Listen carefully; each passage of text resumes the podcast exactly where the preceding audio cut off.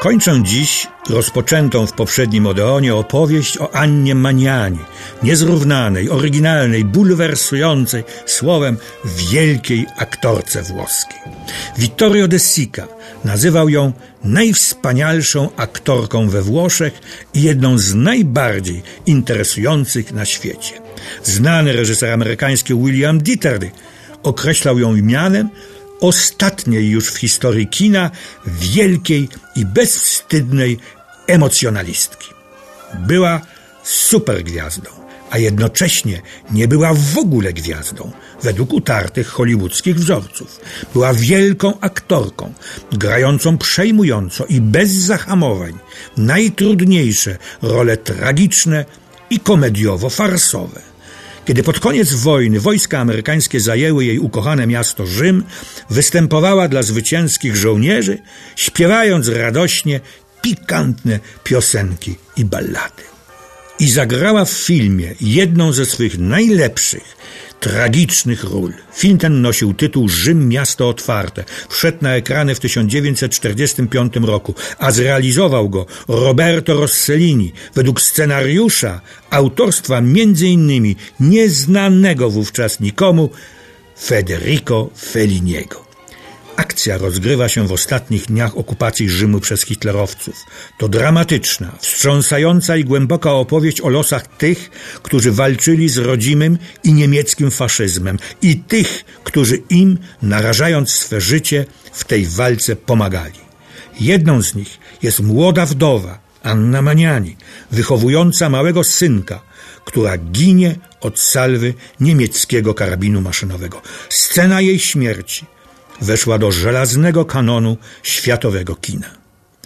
Rzym Miasto Otwarte to pierwszy tak jednoznaczny manifest nowego kierunku w sztuce filmowej neorealizmu. Warto opowiedzieć o nim oddzielnie. Teraz wracam do naszej bohaterki, Anny Maniani. Niewysoka, o nieregularnych rysach twarzy, raczej niska, ale żywiołowa, na wskroś prawdziwa, bliska granym postaciom, pasowała do neorealistycznych filmów jak ulał. To też w nich grała, będąc jednocześnie w ścisłym, zawodowym i uczuciowym związku z Roberto Rossellinim. Do czasu, kiedy w 1950 roku związał się on z Ingrid Bergman, wielką gwiazdą hollywoodzką, ale i znakomitą aktorką. O tym związku już Państwu opowiadałem. Anna Maniani wystąpiła w filmach największych mistrzów. Przede wszystkim, zanim się nie rozstali, u Roberto Rosselliniego, na przykład w filmie Miłość. Zagrała tu rolę prostej, będącej w ciąży chłopki, która przekonana jest, że urodzi nowego Zbawiciela. Co ciekawe, jej partnerem był w tym filmie Federico Fellini.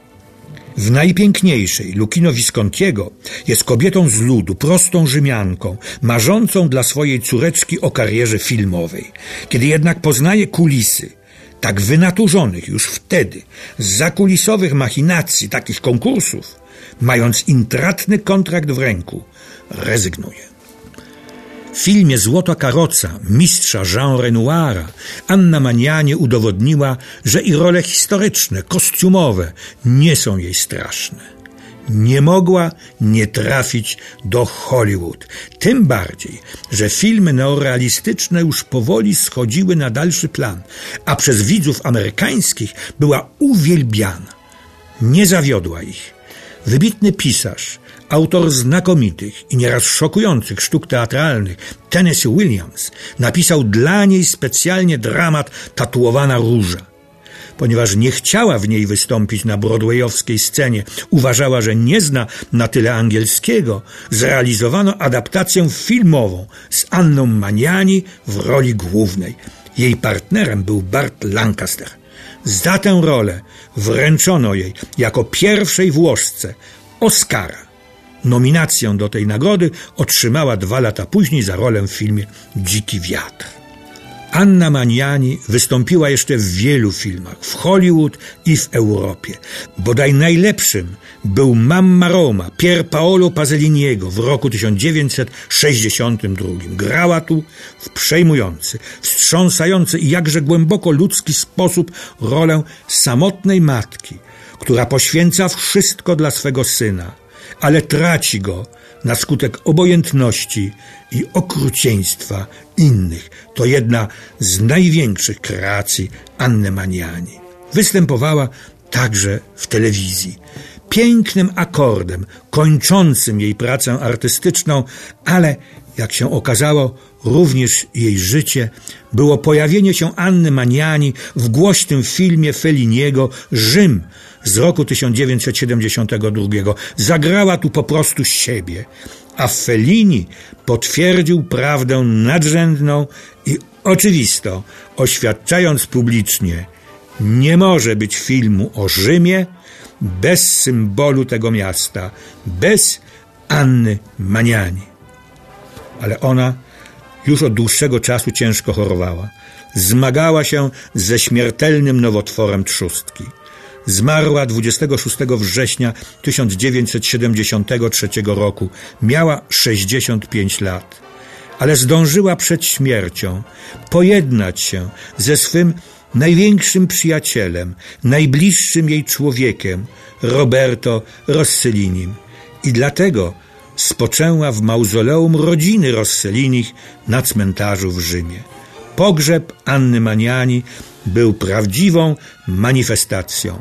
Tysiące, dziesiątki tysięcy Rzymian przyszło, by oddać jej hołd.